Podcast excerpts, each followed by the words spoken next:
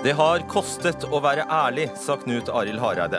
Men var det virkelig det som gjorde at velgerne flyktet, eller var det store doser dobbeltkommunikasjon?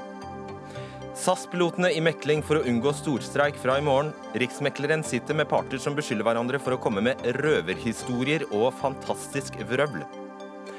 Julaften for teknonerdene da Apple lanserte ny iPhone i går. Men hvor engstelig bør vi være for at ansiktsbildene nå kan lese både hvilket parti vi stemmer på, og om vi er hetero eller homo?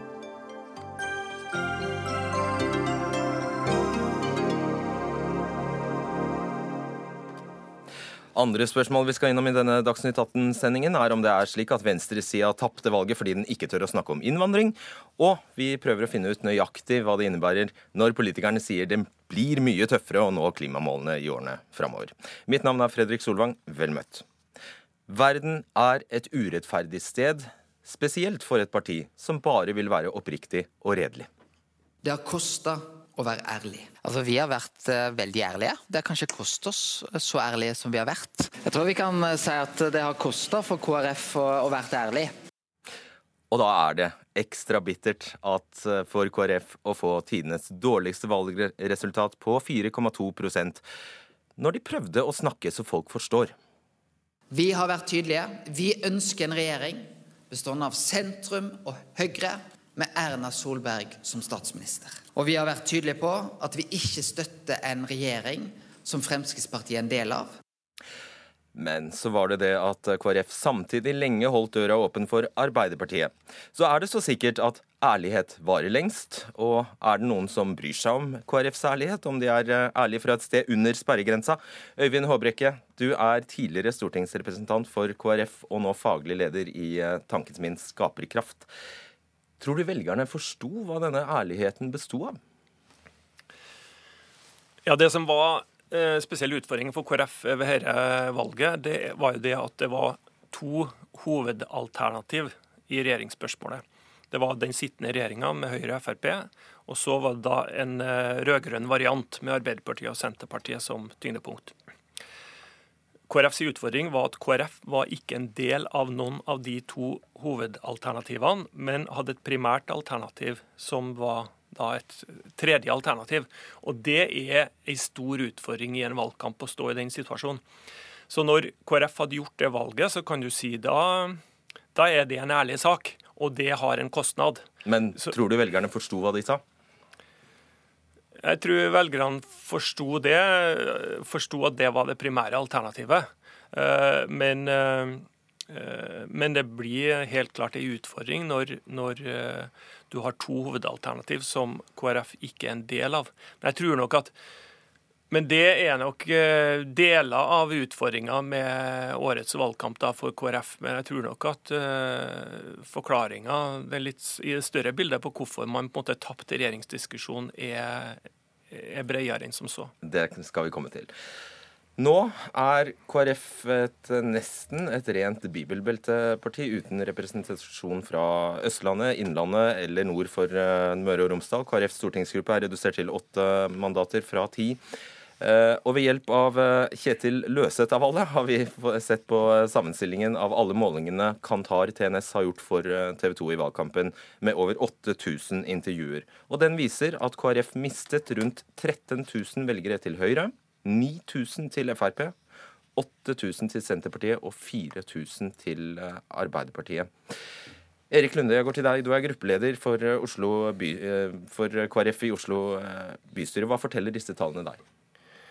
Nei, de, jo, de, forteller jo at KrF har lekt til begge ender. At vi både har mislykkes i å nå de som ville ha en fortsatt regjering med Erna Solberg, Eh, og de som har vært bekymra for at vi har vært eh, i et for tett samarbeid med Fremskrittspartiet. Eh, og det blir jo en sentral del av evalueringen, naturligvis.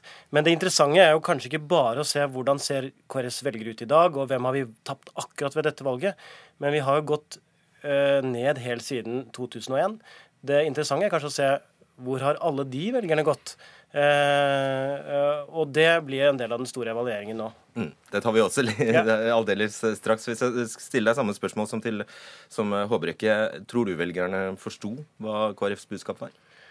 Jeg tror eh, velgerne forsto hva som var KrFs eh, hovedalternativ. Men det er aldri eh, en fordel for et eh, kristendemokratisk sentrumsparti når eh, politikken blir delt opp i to klare blokker. Rett og slett fordi vi har en ideologi og en politisk tenkning som ikke helt enkelt kan eh, defineres eh, helt klart på høyresida eller helt klart på venstresida. Vi er et sentrumsparti, eh, og det er klart at da må vi også gå til valg på et alternativ som styrker sentrum. Og KrF har alltid gått til valg Men det hjelper jo ikke å være noe sentrumsparti jo, hvis du faller under sperregrensa. Nei, det kan du si. Men KrF har gjort sine beste valg når vi har klart å løfte sentrumsprofilen vår. Og vi har stort sett alltid gjort det best ved valg når vi har klart å danne regjering som har et klart tyngdepunkt i sentrum. Og jeg tror nok dessverre at uh, en av utfordringene til KrF er at uh, det å samarbeide um, med partier som ligger så langt til høyre, det har også en veldig klar kostnad. Astrid Dalehaug Norheim, du er reportasjeleder i avisen Dagen. Du har skrevet flere saker med kilder som antyder at problemet for KrF oppsto lenge før dette forsøket på avklaring på tampen av eh, valgkampen. Og En av dem du har intervjuet, er fylkesordfører i Hordaland, Pål Kårbø. Han mener KrF eh, faktisk eh, kanskje burde gått i regjering for fire år siden? Ja, altså Han sier i alle fall det på valgnatta. Eh, så sa han det, han er altså fylkesleder i Hordaland eh, KrF. Da åpna, oh, ja, unnskyld, jeg sa fylkesordfører. Ja. Han åpna for uh, samtaler med Frp om regjeringsspørsmål, og det var jo helt nye toner. Uh, for uh, det er ikke det det er noe sånn veldig stort sug etter å gå i regjering med Frp her vest. men jeg har hørt nå de siste dagene ting som jeg ikke har hørt tidligere. Eh, og det er en holdning i KrF at nå har vi hatt en strategi de siste fire åra som ikke fungerte, så nå må vi vurdere alle mulighetene. Og det Kårbø sa, er at det viktigste er hva vi skal samarbeide om, og ikke hvem vi skal samarbeide med. Eh, disse tallene jeg refererte, altså en ganske klar velgerflukt til de borgerlige og eh, Senterpartiet. Hvordan, tolkes, hvordan tolker du de tallene? Eh, det som er helt klart, og vi merker veldig godt, at du har et veldig delt eh, KrF. Du har en del som vil gå til venstre, og en del som vil gå til høyre. Det folk eh, her vest har vært opptatt av, er hva får jeg hvis jeg stemmer KrF i dette valget. For en del har vært livredde for å få Arbeiderpartiet, en del andre har vært livredde for å få Frp. Og der ser man jo, Det kan man jo også se på de tallene du nå har fått. Håbrekke, hva er hovedgrunnen til at KrF blir straffet så hardt? Ja, du vet, du må velge en regjeringsstrategi, og så må du stå for den. Og Er du sentrumsparti, så vil du på en måte betale litt. Om du samarbeider til høyre, så får du, betaler du litt til venstre, og samarbeider til venstre, så vil du betale litt til høyre. Sånn vil det være. Men eh, til sjuende og sist så er det bare én grunn til at eh, velgere stemmer på ett politisk parti. Og Den enkle grunnen det er at partiet er annerledes enn de andre partiene. Så valgkamp består av å få fram et særpreg ved ditt eget parti. I dette valget så uh, var, lyktes man ikke godt nok med å få fram hva er som er særpreget ved KrF. Man hadde mange gode utspill knytta til flere lærere i skolen. Uh, man sto, tok en prisverdig fight for å kjempe mot olje utenfor Lofoten. Uh, og man tok et prisverdig oppgjør med Sylvi Listhaug om integreringsretorikken. Samtidig så må man ha med seg hele veien at hvis du ikke på en måte overbeviser velgerne om at vi er annerledes enn de andre og får fram hva som er våre særpreg, så, så blir det vanskelig å få velgerne til å velge deg på valgdagen. Ja, så du mener at KrF burde snevre seg inn og faktisk konsentrere seg om enda særere saker? Ja, særere Det spørs jo hva slags saker du tenker på. Sær i form av at ikke så like mange partier er opptatt av dem, da? Ja, altså Det, det representerer jo et potensial. Hvis, eh, hvis det er det er jo sånn at veldig mange av eh, Ola og Kari nordmenn hver eneste dag det første man tenker på om morgenen, er familien sin. Og familien er et bredt saksområde, som man ikke lyktes godt om å få fram. Samme gjelder sorteringssamfunnet, som, i, som du, kan si gjelder, enten, du kan si det gjelder noen få, men det gjelder jo egentlig oss alle sammen. Eh, det viste seg jo gjennom valget her at eh, nesten fire av ti velgere sier at de er opptatt av kristne verdier. Og det at man Eh, det at eh, Jeg tror at man var nok kanskje ikke tøff nok til å dyrke det særpreget og våge å stole på at det er faktisk det som er bærekrafta for KrF. Vi er annerledes enn andre, og det er derfor du skal velge KrF. Og Hvis du ikke får fram det godt nok, så blir du en litt sånn kork på havet mellom de store regjeringsalternativene. Det er på en måte motoren, Den kristdemokratiske ideologien er motoren som driver deg gjennom de bølgene på et litt sånn stormfullt hav da, i en sånn fallkamp. Her vet jeg du er av en annen oppfatning, Lunde. Ja, altså Jeg er jo enig med Håbrekke i at eh, det viktigste er at vi skiller oss ut og viser at vi er et tydelig alternativ. Eh, og eh, jeg er også enig i at debatter som sortering i samfunnet, kampen for hva slags samfunn vi skal ha, om det skal være plass til alle uansett egenskaper og syndromer, er en veldig viktig sak, som både er en veldig tydelig KrF-verdisak, men som appellerer bredt. Men jeg tenker jo også at det er en, eh, en viktig oppgave for oss framover. Vi skal vinne tilbake en del av de velgerne vi har tapt over år. Og vise at vårt verdigrunnlag, vår kristendemokratiske ideologi, er relevant på veldig mange samfunnsområder. Det handler om eh, hva slags eh, samfunn vi skal ha. Og da, konkret, da må man snakke om Olje Nord? Da må man snakke om klimapolitikk, da må man snakke om internasjonal rettferdighet. Da må man snakke om eh, sorteringssamfunnet eh, og likeverd for alle. Alle disse breie, store sakene om hvordan vi skal fordele ressursene i samfunnet. Det er viktige verdispørsmål også for KrF. Eh, og det var, Når vi, KrF har vært på sitt beste, så har vi både klart å levere gode svar på de store utfordringene i vår tid, som kanskje ikke bare forbindes med KrF, men som er virkelig grunnleggende utfordringer. Men også selvfølgelig vært veldig tydelig på det som er vårt særpreg. Ja, det, det, vi kan godt uh, nevne et godt eksempel. Jeg er enig i mye av det Erik Lunde sier, men du kan si, hvis du tar skolepolitikken da, som et eksempel, som eh, er et område som KrF har god tradisjon på og, og, eh, og ha tyngde på. Så kan du si flere lærere i skolen. Jo, det er en viktig sak.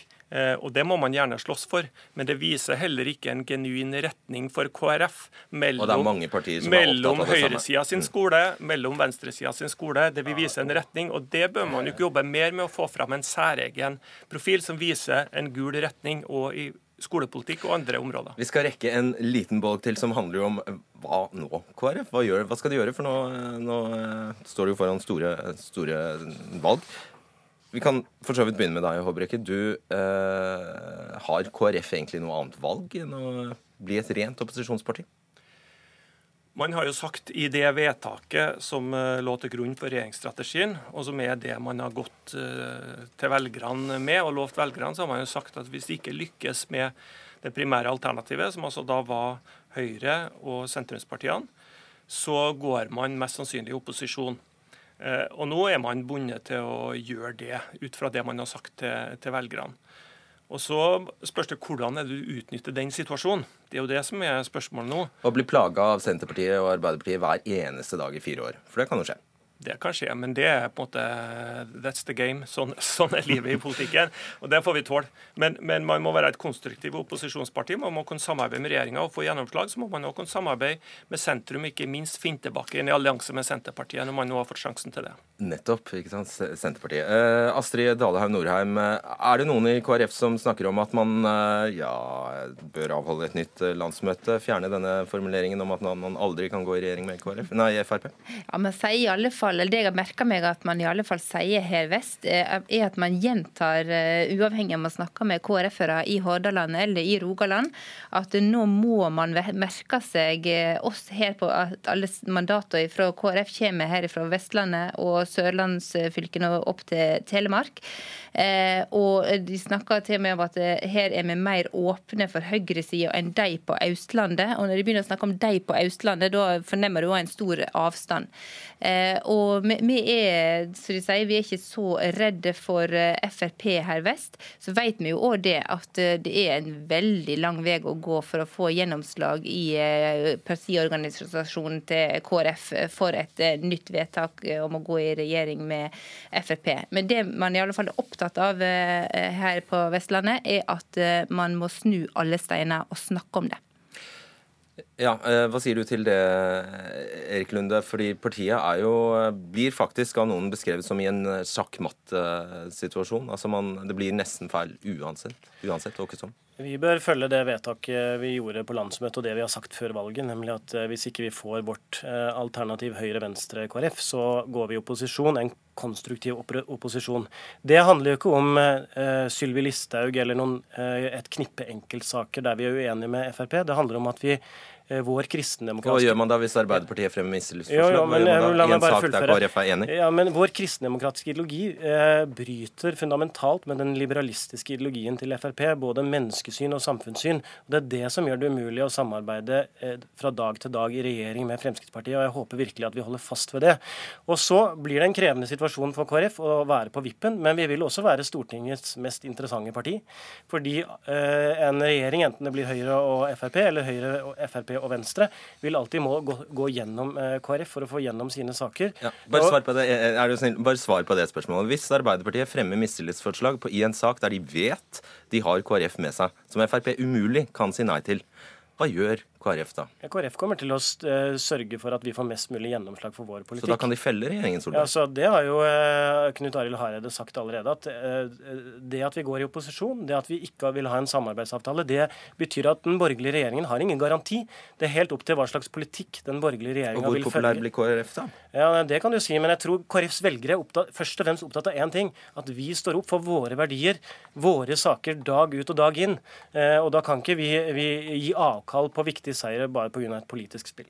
Og det blir mer KrF de nærmeste dagene. Tusen takk skal dere ha. Astrid Dalehaug Nordheim med oss fra Bergen, Øyvind Håbrekke og Erik Lunde. Dagsnytt 18 alle hverdager kl 18.00 på NRK P2 og NRK2.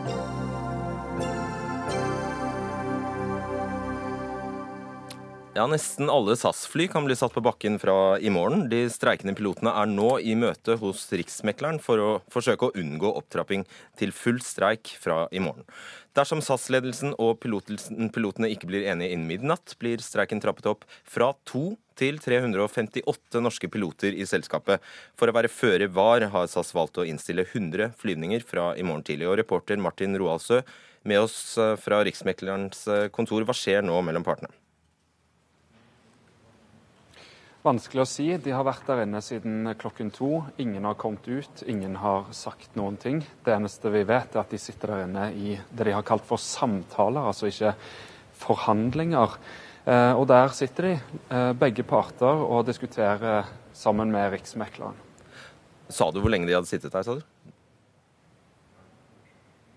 Ja, de gikk inn dit klokken to. Eh, nå er jo klokken litt over seks, og rett over fire timer. Det kan jo eh, bety at de i alle fall har noe å snakke om. Ikke sant. Eh, grovt fortalt, hvilke uenigheter er det som må løses før midnatt? Ja, altså det, de er jo veldig uenige. Eh, pilotene ønsker seg eh, fast ansettelse i SAS. De ønsker seg mer fleksibel arbeidstid. Eh, Bl.a. og det de kaller for moderat, eh, en moderat lønnsøkning. Eh, SAS-ledelsen på sin side mener at dette ikke er moderat i det hele tatt. De mener at dette vil øke kostnadene til SAS med 20-25% Sånn at det er jo De står langt fra hverandre. Mm. Du Martin, du skriker ut om det skjer noe. Hva sa du for noe? Jeg sier du får rope ut om det skjer noe der nede. ja, det skal jeg gjøre. Selvfølgelig. Selvsagt. det er bra. Um, og pga. dette møtet så hadde jo da ikke partene anledning til å komme hit til oss i Dagsnytt 18.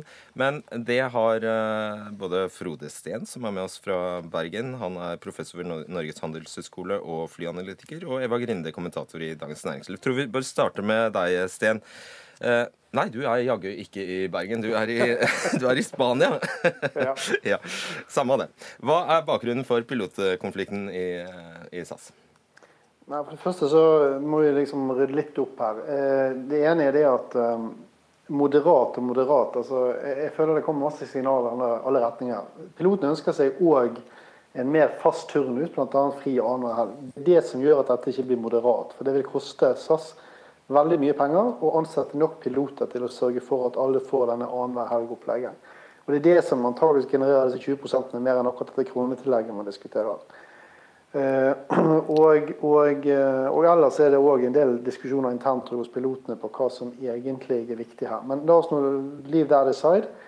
Saken er dette er store tall hvis vi begynner å se på selskapsnivå. Grunnen til at det kommer opp, tror jeg rett og slett er at man føler at man i lengre tid har på en måte måtte avstå fra lønnsvekst, og man har måttet tåle eh, til og med lønnsreduksjoner. Eh, Problemet er bare det at SAS, fordi om de tjente to milliarder nå, har ikke penger å bruke på lønn, for de har for høye kostnader sånn som det er. De har ikke klart å dra ned kostnadene så mye.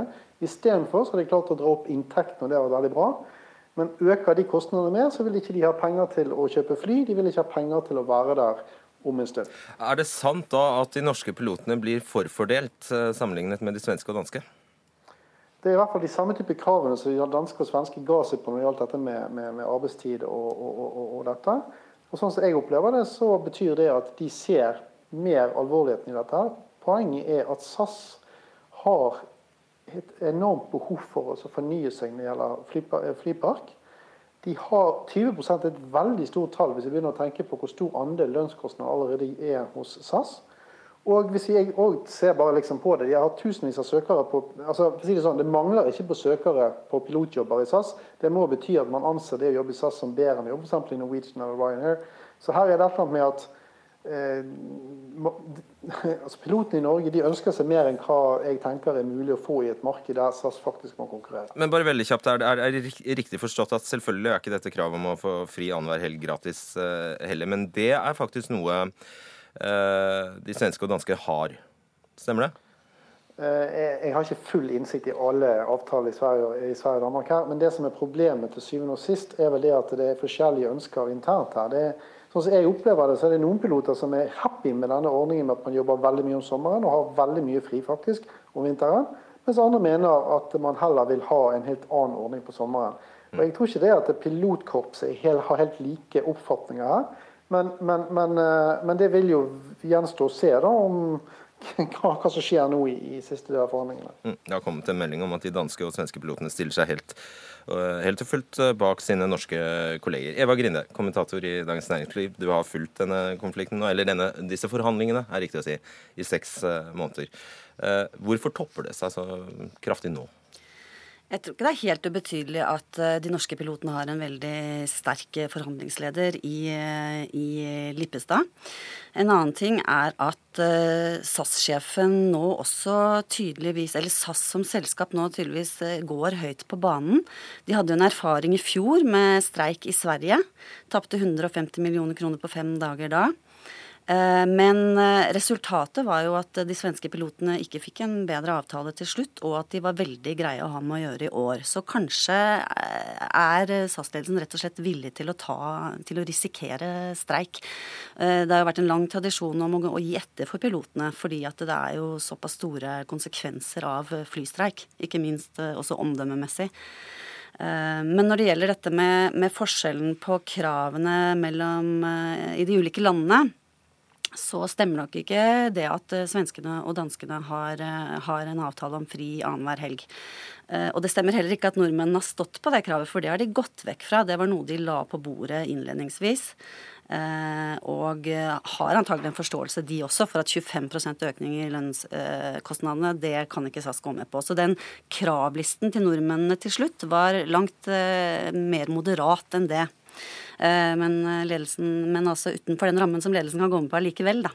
Det er mulig de aller mest intelligente lytterne leste det mellom linjene her. Men hva er, i det du sa, men hva er grunnen til denne veldig harde ordbruken? Altså SAS-sjefen eh, Gustafsson har, sa, kalte, altså, kalte altså Pilotforeningen for Han sa de kom med røverhistorier, og i retur, eller kanskje det var omvendt, så sier pilotene at SAS farer med fantastisk vrøvl. Ja, altså, Man kan jo diskutere en sånn ordbruk uansett, men de har jo, begge parter har egentlig litt grunn til å, til å være lettere fortørnet over hva de, hva de sier i offentligheten. Eh, fordi SAS-sjefen har jo latt det på en måte folk for, forstå det sånn som at pilotene krever 25% lønnsøkning eller økning i kostnader, uten at det egentlig stemmer. Og når det gjelder andre siden, så, så var eh, Lippestad tidlig ute med å si at vi, det eneste vi ønsker er å få de samme som det de får i Sverige og Danmark. Og det er også en litt drøy påstand, fordi eh, der kan han ha sitt på det tørre pga. en av, spesiell avtale svenskene har om å ikke jobbe mer enn 160 timer i måneden. Men det er ikke en ny avtale, og det er dessuten en avtale som SAS-ledelsen er interessert i å få vekk. Så ja, de, de kriger. Hva blir konsekvensen Frode Steen, dersom det blir en stor streik fra i morgen? Uh, nei, altså Før i verden var vi veldig opptatt av det at uh, streik, uh, at SAS skulle unngå streik, fordi at de på en måte har en, hadde jo lenge en slags sånn, si, et bilde av at vi kommer ofte i streik. Men nå har jo de klart å holde orden i rekkene veldig lenge. sånn at jeg tenker at der er jeg enig i at det er nok sånn at de ikke er så redd for streik nå i forhold til sånn type omdømme eller irritasjon hos kunder. og sånn. Men det er klart at det koster penger. Det er veldig mye passasjerer, og de er veldig store på det norske markedet. Eh, så, så det, er ikke, det, er jo ikke noe ønskverdig i det hele tatt. Men jeg tror nok at det, er, det er veldig viktig å se at eh, det er snakk om at SAS nok ser veldig alvorlig på kostnadsspøkelset. For de har prøvd over veldig lang tid å redusere kostnadene, de har nesten ikke klart det. De har klart det selvfølgelig, de har, de har blitt tatt igjen av de andre hele tiden. Og det vi har sett det siste, er søren ikke kostnader. Det er konsolidering i markedet. De har redusert kapasiteten, de har økt kabinfaktoren. Og de har klart å øke inntekten pga. eurobonus. Folk velger seg fram i kabinen. Og dette er flott, men det er ikke nok til å, å, å, å dekke opp for dette her, hvis man i tillegg skal bruke penger på andre ting i selskapet. Da er det jo noe jeg ikke forstår åpenbart, for Eva Grinde, pilotene kan jo regne, de også. De kan lese regnskap som alle andre. Ja, de kan jo det. Eh, jeg tror også at det ligger en, en annen litt bakenforliggende konflikt her som, eh, som, egentlig handler om en frykt eh, for at SAS skal endre seg på samme måte som lavprisselskapene har endret seg. At presset fra lavprisselskapene skal gjøre at også SAS er nødt til å, å flagge ut en god del av virksomheten sin. Og, og, noe av det de har gjort, er å opprette et, et selskap i Irland og to pilotbaser, en i London og en i Malaga. Og der er pilotene billigere. Særlig fordi at uh, de har mye dårligere pensjonsordninger. Um, og det er derfor de er opprettet. Um, jeg, og pilotforeningene har jo gitt klart uttrykk for at de ikke de er ikke spesielt glad i den utviklingen, og de er redd for at det er begynnelsen på en uh, undergraving av deres uh, trygghet. Da, deres trygge stillinger. Det, det, største bildet her, Frode, Frode Steen. Du, du, nevnte at uh, SAS får mange søknader, og mange vil, pilotene står og banker på SAS' dør. jeg mener du har hørt at det, det er pil, stor pilotmangel i Europa? Og det kommer det til å være lenge? Ja, det er riktig. Og de som har regnet på dette, ser jo at det kommer til å mangle piloter fremover. Og det er jo en grunn til at den internasjonale pilotlønnen er ganske lik. Det er ikke sånn at den er veldig forskjellig på tvers av selskap, men fremdeles er det sånn at uh, det kan virke som at det er attraktivt å være pilot i SAS. Men jeg vil tilbake til det som Grinde sa, for det tror jeg er veldig viktig. Det er ikke en del av forhandlingene, sånn som jeg har skjønt det, fra Spania, som jeg ikke har full innsikt i. Eh, er ikke en del av forhandlingene dette med å ha på en måte styring i selskapet i forhold til å begynne med utenlandske baser og sånn. Men jeg tror absolutt det er helt riktig. Dette er pilotene veldig redd for. Spørsmålet er bare om SAS har så veldig mye valg. Det er jo en annen diskusjon. Men skjønner ikke De skjønner vel det, pilotene? Jeg vil vel kanskje hevde at veldig mye av det som SAS har vært gjennom hvis vi ser liksom 10-15 år tilbake i tid, har vært en, en, en, en litt sånn evig runddans der ledelsen har sett behovet for å gjøre noen kostnader. De ansatte har slitt oss med å se det. Jeg vil si sånn Helt fram til 2012, når vi da plutselig så folk måtte ta penger med seg på flyene fordi de kanskje skulle gå konkurs osv. Da skjønte folk kanskje bedre i selskapet at vi har faktisk noen seriøse utfordringer. Men jeg tror det har vært en sånn virkelighetsoppfatningsproblematikk. Og det er klart at å få slengt i hodet fjeset at nå tjener vi plutselig masse penger, det gjør det mer fristende å gå til streik. Men det er klart at jeg tror det er mange underliggende ting som ikke er en del av denne forhandlingen, der tilbake til Grinne, som nok driver òg denne her litt sånn tøffe kampen. Men det kan du jo aldri si høyt, Grinde, selvfølgelig, hvis eh, så var tilfellet. Men eh, omdømmemessig, da? Hva vil en streik få si? Nei, det er jo aldri det blir alltid en sånn diskusjon der. Det, det, undersøkelser viser jo faktisk at vi flypassasjerer, flybillettkjøpere, er, har veldig kort hukommelse. Sånn at eh, eh, det skal en del til for at man virkelig dømmer et selskap nord og ned. Men det kan jo Eh, man har jo diskutert det når det gjelder Norwegian. Er det blitt en sånn fast eh, innslag i sommertrafikken at de skal, at de skal innstille flyene sine osv.? Det er klart at skjer det mange ganger, så er, så er, ikke det heldig. Og pilotene har nok litt vanskeligheter for å få masse sympati, eh, rett og slett fordi de fortsatt er en, en godt betalt arbeidstakergruppe med snittlønn på, på 1 million, og veldig mange av de seniorkapteinene har 1,2 millioner i, i lønn og 40-50 flere fridager i året enn en vanlig arbeidstaker. Så ma mange mener jo at de fortsatt er ganske godt kompensert for tøffe arbeidsvilkår, da, for det er ikke noe tvil om at det er en tøff jobb. Da setter vi strek der. Takk skal dere. Det blir spennende å se utover eh, kvelden. Vi ber jo da folk bare egentlig følge med på nyhetssendingene våre. Takk Frode Steen og Eva Grinde.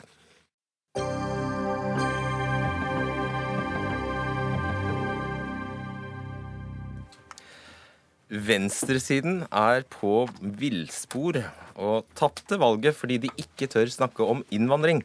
Mange på venstresida tør ikke snakke om utfordringene ved innvandring i frykt for å bli stemplet. I stedet overlater de arenaen til Sylvi Listhaug og taper den kampen.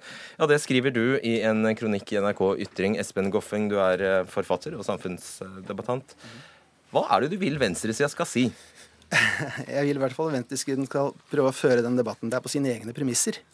Stå på de prinsippene som venstresiden alltid har levd etter, og styre den samtalen litt. Og gjøre det mulig for flere å delta i den. For sånn den fungerer nå, så eh, virker det som om, eh, i hvert fall i valgkampen nå, da, lokalt, sånn tidslokalt, men dette er lengre perspektiv også, så handler det mest om å reagere på det høyresiden gjør. Det handler mest om å reagere på det Listhaug gjør. ikke sant? Så hun fungerer litt som en sånn bjelleku. Ja, og da spør jeg deg konkret, Hva er det du etterlyser? Hva skulle venstresida sagt? Å ja, øh, Venstresiden øh, er nødt til å ta en del av utfordringene og de potensielle problemene vi har, litt mer på alvor. Og snakke på dem på en litt annen måte. Gi konkrete Da snakker vi om ytringsfrihetsdebatten. ikke sant? Der er det to deler. Den ene er åpenbar. Øh, det er terror mot profesjonelle. Og det andre er denne meningskorridoren som også fins her i Norge. Den, den får jeg høre om når jeg skriver en sånn kronikk som dette. Det må du forklare. Vanskelig uttrykk. Okay. Um, da handler det om hva man kan si utenfor det som er sosialt akseptabelt å si. En politisk korrekt eh, korridor der du bare er tillatt å ha en visse type mening. Det kan man godt si. Så når jeg skriver en sånn kronikk som jeg skrev hos dere i går, så i løpet av dagen i dag så får jeg 20 meldinger privat. ikke sant? Gi flere eksempler, da. Ja. ja. på hva, hva, du mener i Hva, hva etterlyser du? ok, De kan snakke om terror, og så hva mer kan de snakke om? Ja, uh, Ytringsfriheten er én ting. Uh, en annen ting er denne kvinnesaksdebatten som jo har blomstra i, i, mange år. Og der bør, bør det komme et oppgjør som aldri kommer. Uh, faren for parallellsamfunn, som jeg sier, det, det, handler en del om tillitsspørsmål og homogenitetsspørsmål og sånt også, som alltid har egentlig vært venstresidesaker. Um, altså liksom generelt møte med religion. Uh, der har jo venstresiden snudd ganske kraftig i forhold til det som har vært deres tradisjon. da. Konkretiser det igjen, er du snill. Altså, det blir veldig akademisk, dette her. Bare, det blir litt sier... overliggende, det gjør ja. det. Uh, altså, det jeg mener, er at det er venstresiden som har slipt ned religionens tenner i Europa til en veldig stor grad. ikke sant? Nå ble du enda mer akademisk. Hva skal, hva skal, jeg si for noe? Uh, skal jeg nevne én spesiell person ja, som har sagt én si spesiell nei, ting? Nei, jeg vil at du skal, når du sier at, eh, når du, når du, når du sier at de må snakke, snakke om eh, religion, bare gi et eksempel på et utsagn du gjerne skulle hørt, da. Eh, et spesielt, dette blir, det blir veldig vanskelig å si, si et spesielt utsagn her og nå. Mm. Men det å kritisere religion, og det å latterliggjøre religion, og det å konfrontere religiøse dogmer, det er en venstresideverdi. Og det gjør ikke venstresiden i den samme graden lenger. De har snudd nå, når det har kommet en ny religion som vi skal snakke om. Ja, så da er vi inne på akkurat denne spesifikke delen av det, som handler om islam. Men dette handler jo mye mer enn det. Men det er et sånt eksempel. Ja. Da, tror jeg, ja, da skjønner jeg litt mer. Marte Gerhardsen, leder i Tankesmien. Eh, agenda. Eh, skjønner du eh, Jeg regner med du skjønner hva han etterlyser, egentlig? Ja, men først den analysen hans av at valgresultatet skyldes at uh, måten vi har snakka om innvandring, det tenker jeg uh, er en ganske dårlig analyse. Hvis den, hvis den, hadde stemt, så hadde du jo sett at det hadde gått mange velgere fra venstresida over til Frp. Det har jo ikke skjedd. Tvert imot så har Frp gått tilbake, mens de rød-grønne partiene har styrka seg som blokk. Arbeiderpartiet har gjort et veldig dårlig valg. Ehm, men det er jo ingenting som tyder på at Arbeiderparti-velgere har gått til Frp. Tvert imot så ser det ut som de har gått til eh, Senterpartiet og SV. Og hvis de har gått til Senterpartiet og SV, eller særlig SV pga. innvandring, så er det nok med motsatt fortegn. Så jeg tror at den analysen er feil. Men så er jeg jo veldig enig eh, med Espen. Mm. Ja, sorry. Sist jeg sjekka, ja. Ehm, at, eh, at, det er mange som er bekymra for innvandring. Eh, og at det er helt eh, åpenbare grunner til det. Det er store utfordringer. Det handler om arbeid, det handler om manglende norskkunnskaper, det handler om holdninger. Eh, ekstrem sosial kontroll er et, stor utfordring for, for, mange jenter som vokser opp i Norge med innvandrerbakgrunn. Og hvilke av venstresidepartiene, da, hvis vi skal kategori, navngi dem, mm. Rødt, SV, Arbeiderpartiet, hadde disse sakene integreringssaker, da, egentlig innvandringssaker, mm. som sine viktigste saker? Hvilke hadde det? Nei, altså, Dette er jo saker som eh, partiene har jobba mye med. Vi i Agenda har jobba masse med det. Jeg har vært i dette studiet her tidligere og Ja, men snakket dere er ikke et parti, da. Nei, vi er ikke et parti, men vi har, vi har samla partiene hos oss. Vi hadde fem partier Nei, men som var med. svar på. Hvilke av dem Jo, har jeg hatt dette hadde... som sine viktigste saker? Altså, eh, I valgkampen, mener du? Mm. Det har ikke vært den viktigste saken i valgkampen. og det er jo, Når du ser på valgresultatet, så ser du at det er åpenbart ikke innvandring som er, eller innvandringsskepsis som har vært det mest utslagsgivende. Da ville Frp vært mye større, fordi de har vært den eneste tydelige innvandringsskeptiske stemmen. Det er mange andre ting som gjør at eh, folk har stemt på ulike partier. Men så har jeg lyst til å si at de Det stemmer ikke helt for Møre og Romsdal, by, the way. Ok, men, men, men generelt da, så har altså Frp gått tilbake i dette valget. Men jeg er jo helt enig i at dette er utfordringer som vi må løse. Men, men det vil aldri være en venstresidet ting å si at det er en, å peke på en gruppe og si at de er et samfunnsproblem. Men det kan jo, like, det kan jo være en venstresideting å peke på individer i en gruppe, eller? Og er deler av en gruppe, og si at her har vi et, eller er holdninger i en gruppe. det Det er det det han etterlyser. Jo, men det er jo det vi må gjøre, og det er jo det vi gjør. At vi sier at her er det noen utfordringer, det skal vi løse som samfunn. Men det er ikke noen løsning å peke på dem og si at det er et problem. Og vi har jobba ganske mye med dette. og vi har laget en, Blant annet så har Agenda samla fem politiske partier til å lage en, en ny integreringspolitikk for Norge, hvor vi akkurat har tatt tak i de utfordringene som, eh, som han eh, reiser, og kommer med konkrete svar. Gå- eh, vi opplevde noe så sjeldent i denne valgkampen som at Jonas Gahr Støre gikk i clinch med Siv Jensen nettopp om integrering, eller om ja, retorikken til Frp. Og adresserte eller Han snakket om at eh, Frp stempler hele gruppen. Det er jo akkurat det du etterlyser. Ja da. Nei, det er ikke akkurat det jeg etterlyser. Nei, ok. Eh, Det jeg etterlyser, er at initiativet kommer fra eh, noen andre, altså fra han selv. For det han gjør, er å respondere. ikke sant? Den, den debatten blir tvunget fram enten av pressen, spørsmål fra pressen, eller med at Listhaug drar til Rinkeby og får det akkurat som hun vil. Hun vet jo akkurat hva pressen kommer til å gjøre, hun vet akkurat hvordan venstresiden kommer til å reagere. eh, Og hun får det som hun vil. Eh, Og det er mye fordi at denne debatten Du sier at det var ikke en av hovedsakene, og det var det jo ikke. Eh, Men det, det må nesten bli. Altså Når TNS Gallup f.eks. Kjører sine målinger når de sjekker hvor viktig klimaspørsmålet er Sist nå i 2016 var det vel, så fikk de at innvandring og integrering er det viktigste spørsmålet for 64% av velgerne. Da må det være en hovedsak. Og det må i hvert fall være med i analysen i etterkant. For jeg leser i Dagbladet i dag syv ting som vi har gjort feil. Der er ikke dette med. Eh, Og det må med, altså. Sak, en annen ting jeg vil si, og det er i hvert fall to ting, det er at det går, det går an å snakke om dette her uten å peke på en gruppe og si at det er problem. Det skjer, For å generalisere voldsomt, Mm. det skjer ute på kanten den andre veien. Det er sånn de, men det er mulig å prate om det på en annen måte. Ja, det, der- det, det, er ikke, er er jo- det er ikke de to alternativene. Ikke prate om det eller prate om det på den måten. Nei, men der er jo vi helt enige. ikke sant? At det, når, eh, det som jeg blir mest lei av, er jo når folk sier at eh, de sier det som det er, og de tør å si det andre ikke, med, ikke tør å si. og sånn. Det er ikke sånn, det er ikke riktig. Jeg er ikke enig. Det er ikke sånn at jeg ikke tør å si det, jeg er bare ikke enig i at det er en gruppe som er et problem.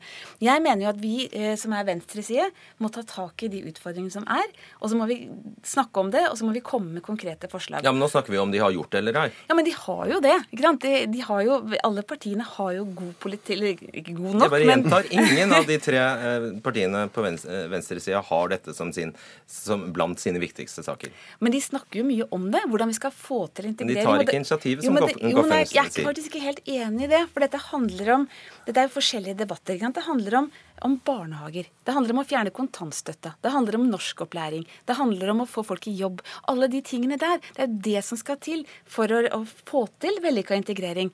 Og det er, det, ting, det er de tingene der som partiene i sentrum-venstre snakker om.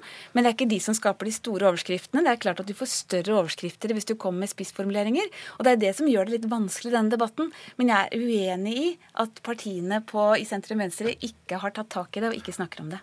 Goffem, når Frp kjører kampanjer sånn som i denne eh, valgkampen, som nei til burka og nikab, frata innvandrere velferdsytelser hvis de ikke lærer seg norsk, lukkede mottak for kriminelle asylsøkere, ingen innvandrere skal ha snarvei til trygd, hva skal venstresida da stille opp med som vil slå det? For det første, igjen, så kan de prate om dette først. Og så kan de prate om det de vil, istedenfor å reagere på det Frp og høyresiden sier. Når det gjelder burka, barnehijab, altså hadde dette vært plagg som lå i den norske tradisjonen, så er det venstresiden som hadde klaga på dem, ikke høyresiden. Det er venstresiden som brant BH-ene, på en måte. Det var de som støtta opp om de greiene der. Og dette er nye kjønnsspesifikke plagg. ikke sant? Men det som skjer, er at høyresiden kommer først ut og tar initiativet. Og da kan man på en måte ikke være enig. Men hvordan skulle det tatt seg ut om SV kjørte en kampanje nei til burka og nikab? Hvordan skulle det sett ut? Det, har ikke noe, altså, hvordan det, sett, det er veldig mange som er enig i det, for det første. ikke sant? Eh, når de målte dette her for et år siden, så sa 40% av Arbeiderpartiets velgere at de mente Listhaug gjorde en god jobb. Som man altså må tenke gjennom når man snakker om disse greiene her. Men står man på prinsippene om dette her, de prinsippene som har vært gjeldende for venstresiden gjennom alle de årene som de har støtta kvinnekamp, for det er de som har eierskap til det, så hadde det ikke vært noe som helst problem å protestere mot kjønnsspesifikke tildekkende plagg. Men høyresiden skjønner først, og da må man fjerne seg fra den meningen, selv om man kanskje har den. Det er derfor boka mi heter 'Vikeplikt for Høyre'. Ja. Men jeg er ikke enig i det. Fordi at vi bl.a. har gått inn i diskusjonen om barnehijab og foreslått at det må vi kjempe imot. Vi har gått imot uh, kjønnsdelt ja, du må du snakke på vegne av partiene, egentlig. Fordi ja, nå, det er de vi, ja. på vegne av agenda, men det er i hvert fall partier som har vært med på det. Så, så jeg, er, jeg i hvert fall representerer en, en, en stemme fra sentrum-venstre mm. som har vært veldig opptatt av disse spørsmålene. Jeg er enig i at vi må ta initiativet. Vi må komme med forslagene. Sånn at ikke det bare blir en sånn eh, debatt på ytre høyre, men at det er faktisk vi som har løsningene. En helt konkret eh, sak eh, som jeg ser veldig mange er mm. opptatt av. Erling Holmøy i Statistisk sentralbyrå mm. har på nytt regnet på kostnadene ved, eh, ved innvandring, og kommer til at hver og en av oss vil få en skatt, ekstra skatteregning på 10 000 kroner fra år 2025 med dagens takt i innvandringen og med dagens profil på innvandrerne. Er det er noe venstresida kunne snakket om. Ja, og det, gjør, det, er jo kjempeviktig å snakke om. for det handler jo Men hvorfor gjør det ikke det? Jo, men Vi gjør jo det, og det viktigste her å snakke om her er jo arbeid. ikke sant? Vi må få folk i jobb, sånn at de ikke blir en utgift, men blir en inntekt. Og det handler om norskopplæring, det handler om gode skoler, det er mange ting vi må gjøre.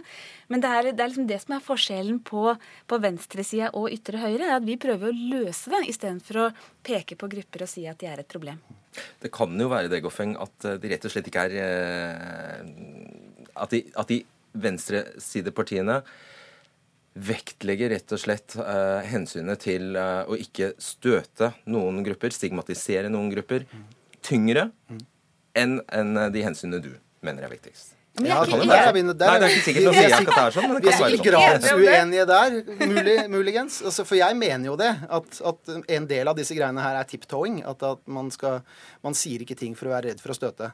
Og dette har vi masse eksempler på, ikke sant.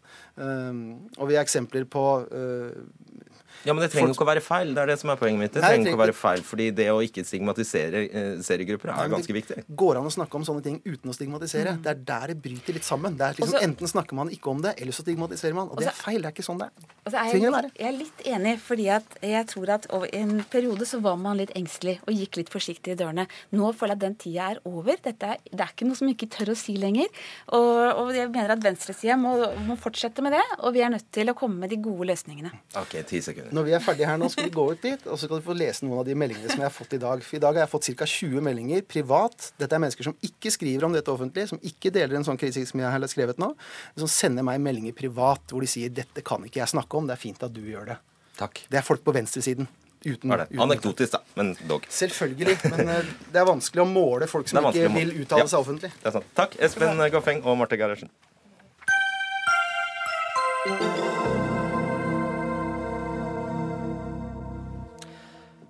Hvem har den beste klimapolitikken? Alle partiene, ifølge dem selv. Senest i partilederdebatten i går sto klimakutt på agendaen.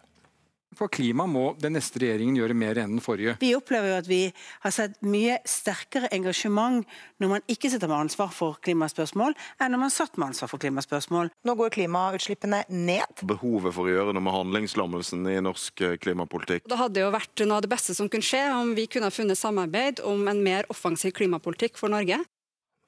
Alle vil kutte i klimagassutslippene. Likevel de går ikke ned. Både høyre- og venstresiden mener altså de har de beste løsningene, men hva må egentlig gjøres for å nå Norges egne mål, og for å bidra til faktisk å begrense den globale oppvarmingen, slik vi har forpliktet oss til? Bård Lahn, eh, forsker i CICERO senter for klimaforskning.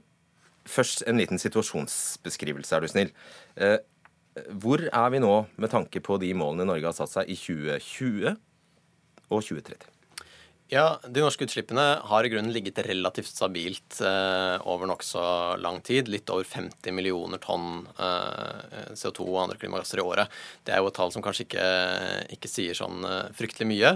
Men eh, det har altså ikke vært veldig store eh, tendenser til endringer i utslippene. Og framskrivningene tilsier at, eh, at, det kommer til å fortsette omtrent på den, på den måten framover. Sånn at hvis vi skal komme helt ned på 40 kutt fram mot 2030, som er det målet som eh, vi har meldt inn til eh, Parisavtalen, eh, og enda videre ned på lengre sikt. Fram mot 2050 så heter det seg at vi skal bli et lavutslippssamfunn, hvor altså hele samfunnet nærmer seg en situasjon med, med, lavest mulig utslipp i alle sektorer. Da har vi en veldig lang vei å, å gå, og det er ingenting som tyder på at, at den jobben virkelig er i gang, da. 40% kutt, er det her? Ja, eh, det er der det blir litt komplisert. Eh, fordi eh, Norge har slutta seg, eller forhandler nå med EU om å få slutte seg til EUs klimapolitikk. Og den klimapolitikken er, er organisert på den måten at man, man deler utslippen, utslippene egentlig i to. Man har den såkalte kvotepliktige sektoren, de utslippene som er en del av EU sitt klimakvotesystem. Det gjelder f.eks. oljeindustrien, mesteparten av fastlandsindustrien, noen andre andre utslipp. Og så har man de såkalt ikke-kvotepliktige sektorene, resten av utslippene, som da for Norges del særlig er utslipp fra transportsektoren, eh, utslipp fra eh, landbruk, eh, avfall, noen andre typer utslipp. I Norge så er delinga mellom de to ca. 50-50, så halvparten av utslippene er da en del av kvotesystemet, og den andre halvparten er ikke det. Og det Norge forhandler om nå, det er hvor mye vi skal kutte, hvor mye vi skal forplikte oss overfor EU til å kutte utslippene i den delen delen av, uts eh, av utslippene våre som er såkalt ikke-kvotepliktig eh, sektor. 40 der, i den sektoren? Altså. Ja, der ligger det an til at vi må uh, kutte våre utslipp med omtrent 40 Ja, F.eks. biltrafikk. Særlig transportsektoren, som er den største kilden der, og som er den som har økt mest de siste åra. Så det er jo der den virkelig store utfordringen ligger. Mm. Så er jo da spørsmålet hvilke valg politikerne mm, må ta de neste årene for å komme dit vi skal, 40 og hvilke alternativer og fallgruber eh, som finnes. Taran eh, Fehn, du er seniorforsker i SSB. Eh, hvilke alternative satsingsområder, eller skal man si eh, veivalg, eh, finnes i klimapolitikken for Norge? Der vil jeg si at den, Det viktigste veivalget går eh, nettopp på hvorvidt vi skal kutte innenlands, eller om vi kan lene oss på å gjøre utslippskutt i EU. For som Bård forklarte, så har vi i tillegg til den kvotesektoren vi har nå, så er EU i ferd med å forsøke å opprette en kvotesektor til, kan man si, hvis man skal si det enkelt. Og dermed så har vi egentlig to kvotesystemer, hvis dette kommer i orden. Det er fortsatt ganske uklart hvordan dette skal gjøres. Men da vil jo også den, eh, de utslippene som er utenfor kvotepliktig sektor i Norge, kunne ta valget og kjøpe kvoter, eller finansiere utslippsreduksjoner i EU, eller å gjøre noe hjemme. Betyr det at vi, vi har faktisk et valg? Vi kan kjøpe oss ut av problemet, nesten?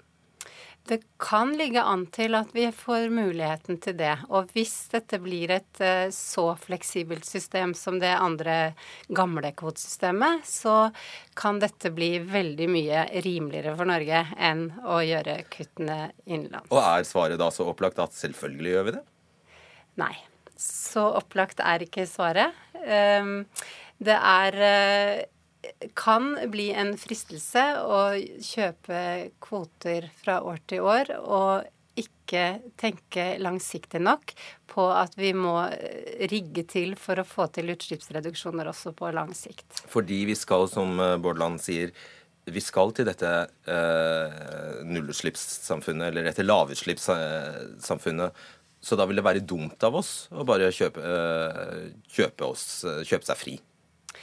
Ja, hvis de norske politikerne virkelig mener at vi skal til lavutslippssamfunnet, for det står riktignok i klimaloven at vi skal det, men det er også spesifisert at det også har en viss fleksibilitet mot EU.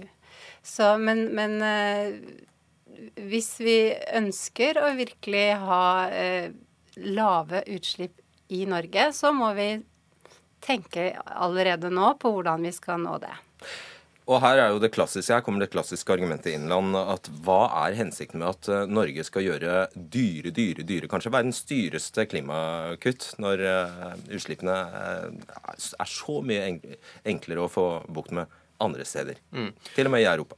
Ja, eh, nei, og det har jo vært eh, den norske tilnærmingen eh, alltid, egentlig, i klimapolitikken. At man har ønska en mest mulig kostnadseffektiv gjennomføring, betale for utslippskutt der det er billigst. Og det er den linja som regjeringen nå eh, ser det ut til legger, eh, har ønska å, å, videreføre. I den klimameldinga som de la fram før sommeren, så, så åpna de for at eh, de vil kunne ønske å bruke all den typen fleksibilitet overfor EU som, som blir tilgjengelig, dersom det viser seg å bli dyrt og vanskelig å gjennomføre Eh, tiltak eh, i Norge. Men eh, det er jo grunner til å tenke at det er smart å, å, gjøre tiltak her hjemme. Og det ene handler om den langsiktigheten som Taramfen er, er, inne på, og at det er en del ting som du er nødt til å sette i gang med nå hvis du skal på lengre sikt komme til det samfunnet du ønsker uten utslipp.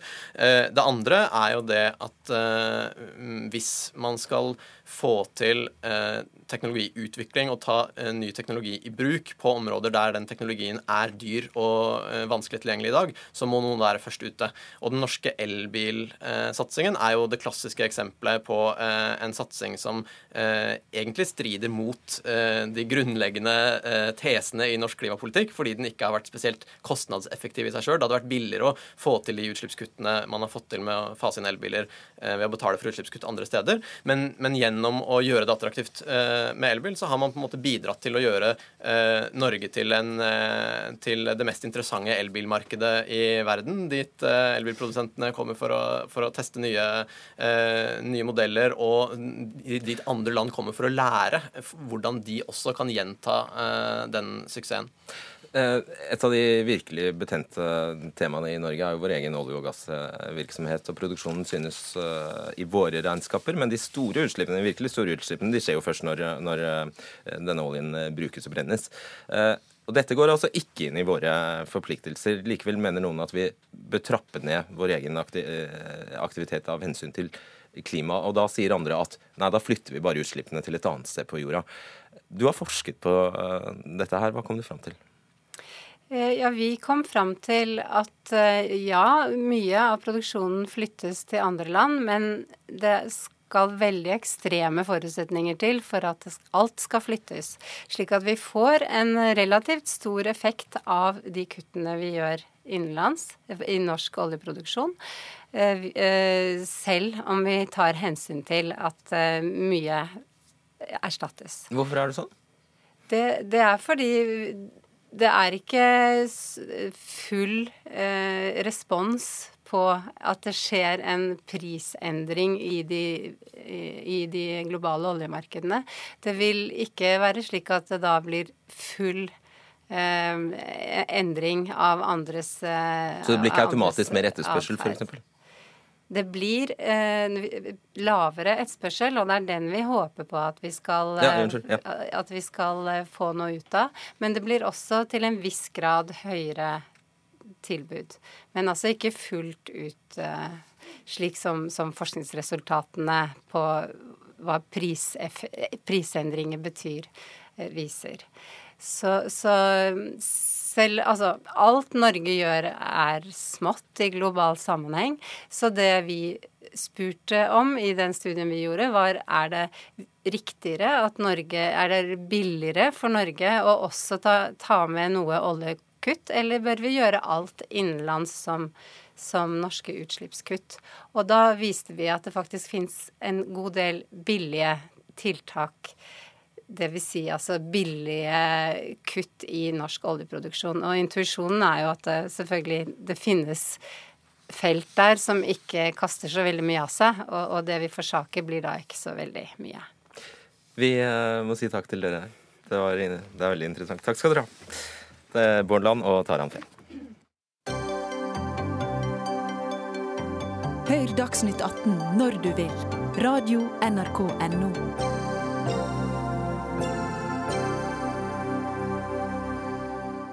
Ja, Teknologien har vært der lenge, men nå kommer den i en forbedret versjon som gjør at langt flere vil få øynene opp for den. Datagiganten Apple lanserte nemlig en ny smarttelefon som bruker ansiktsgjenkjenning for å låse opp telefonen.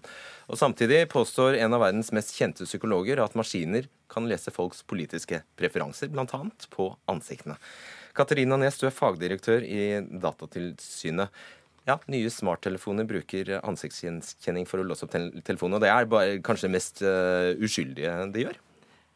Ja, altså det finnes jo mange måter å bruke ansiktsgjenkjenning på. Og denne måten som uh, den nye måten å åpne opp uh, Apple på, da fungerer jo ansiktsgjenkjenning først og fremst som en avansert nøkkel. Så det er et område. Der har vi følt at vi har relativ kontroll hvordan, hvordan denne teknologien blir brukt der. Men det er klart det er andre områder som er mer eh, problematiske. Men det høres jo til og med utrygt eh, at telefonen kan åpnes opp med ansiktet ditt. I dag så bruker vi jo fingeravtrykk for å åpne telefonen. Og så ansiktet er på en måte en annen type biometrisk kjennetegn man kan bruke som en identifikator. Men det er jo selvfølgelig avhengig av at Apple har et godt eh, system på andre siden. At de håndterer at det systemet er bygd opp på en måte som eh, er eh, for en fantastisk database de etter hvert får, med mange, mange ja, milliarder sikkert av ansikter. Ja, altså det er, hvis det er sånn det fungerer, så er det selvfølgelig problematisk. Ofte så er, Hvis ansiktsgjenkjenning brukes eh, som en eh, nøkkel, så lagres det bare som en templet på, på andre siden. Og forhåpentlig så slettes da disse bildene kontinuerlig. Forhåpentlig. Men så har man eksempler. Altså Kinas eh, regjering har altså, eh, eh har altså arkiver med nesten alle innbyggernes ansikter. Så eh, hva, hva, er det vi skal frykte her med denne teknologien? Jeg tenker eh, For det første så er det jo i dag en enormt sug etter å samle inn mest mulig data. For vi ønsker å bygge smart teknologi og kunstig intelligens.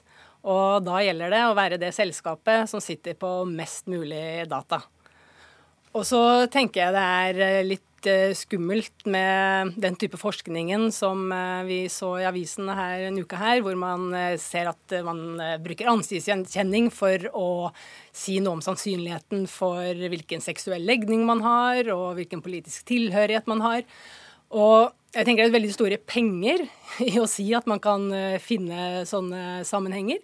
Og det er veldig viktig å stille kritiske spørsmål da, til disse modellene. Hva, er det virkelig, hva kan de virkelig si? Er det virkelig sant at de kan trekke disse slutningene? Ja, og Det kunne de. altså Det du viser til, er, et, uh, er at The Economist har skrevet at maskiner med 81% riktighet kan anslå et menneskes eh, seksuelle ja. legning på bakgrunn av ansiktsbilder, mens vi mennesker bare treffer ja. i 61% av tilfellene. Det er ikke sånt du vil skal havne i uh, havne i fanget på en homofob diktator? nei, nei, definitivt ikke. Og, men eh, jeg syns det er viktig å, å, stille spørsmålstegn med, ved den algoritmen. Om det er virkelig er det virkelig 8% Hvilke data baseres den algoritmen på? Hvilke kjennetegn er den plukker opp? Er det ansikts, eh, selve ansiktet, eller er det andre kjennetegn? Er det briller? Er det hårfrisyrer? Er det farge på skjorta? Ja. Eh, dette er snakk om big data. Eh, det, det, er her. Så det er, så det er en kjensgjerning. Har vi lovverk, tilstrekkelig lovverk? Vi eh, har jo et uh, solid lovverk, og 25. mai neste år så blir det en oppdatering av den gjeldende personvernlovgivningen. Og, og, den blir strengere? Den blir strengere. Den gir bl.a. Forbrukerne eller enkeltindividet en del skjerpa rettigheter. Bl.a. når det kommer til dette med automatiserte avgjørelser og det å bygge avgjørelser på f.eks. ansiktsgjenkjenning, da, om du skal få lån i banken eller ikke, basert på hvordan du ser ut. Så får man som forbruker eh, bedre rettigheter da, til å få innsyn i hvordan disse beslutningene treffes. Helt på tampen, skal vi eh, omfavne det eller frykte? Ja, er, Som sagt så kan ansiktsgjenkjenning brukes til mange ulike formål. Og noen er helt uh, ikke så problematiske, men så er det andre mer problematiske sider ved det. Mm.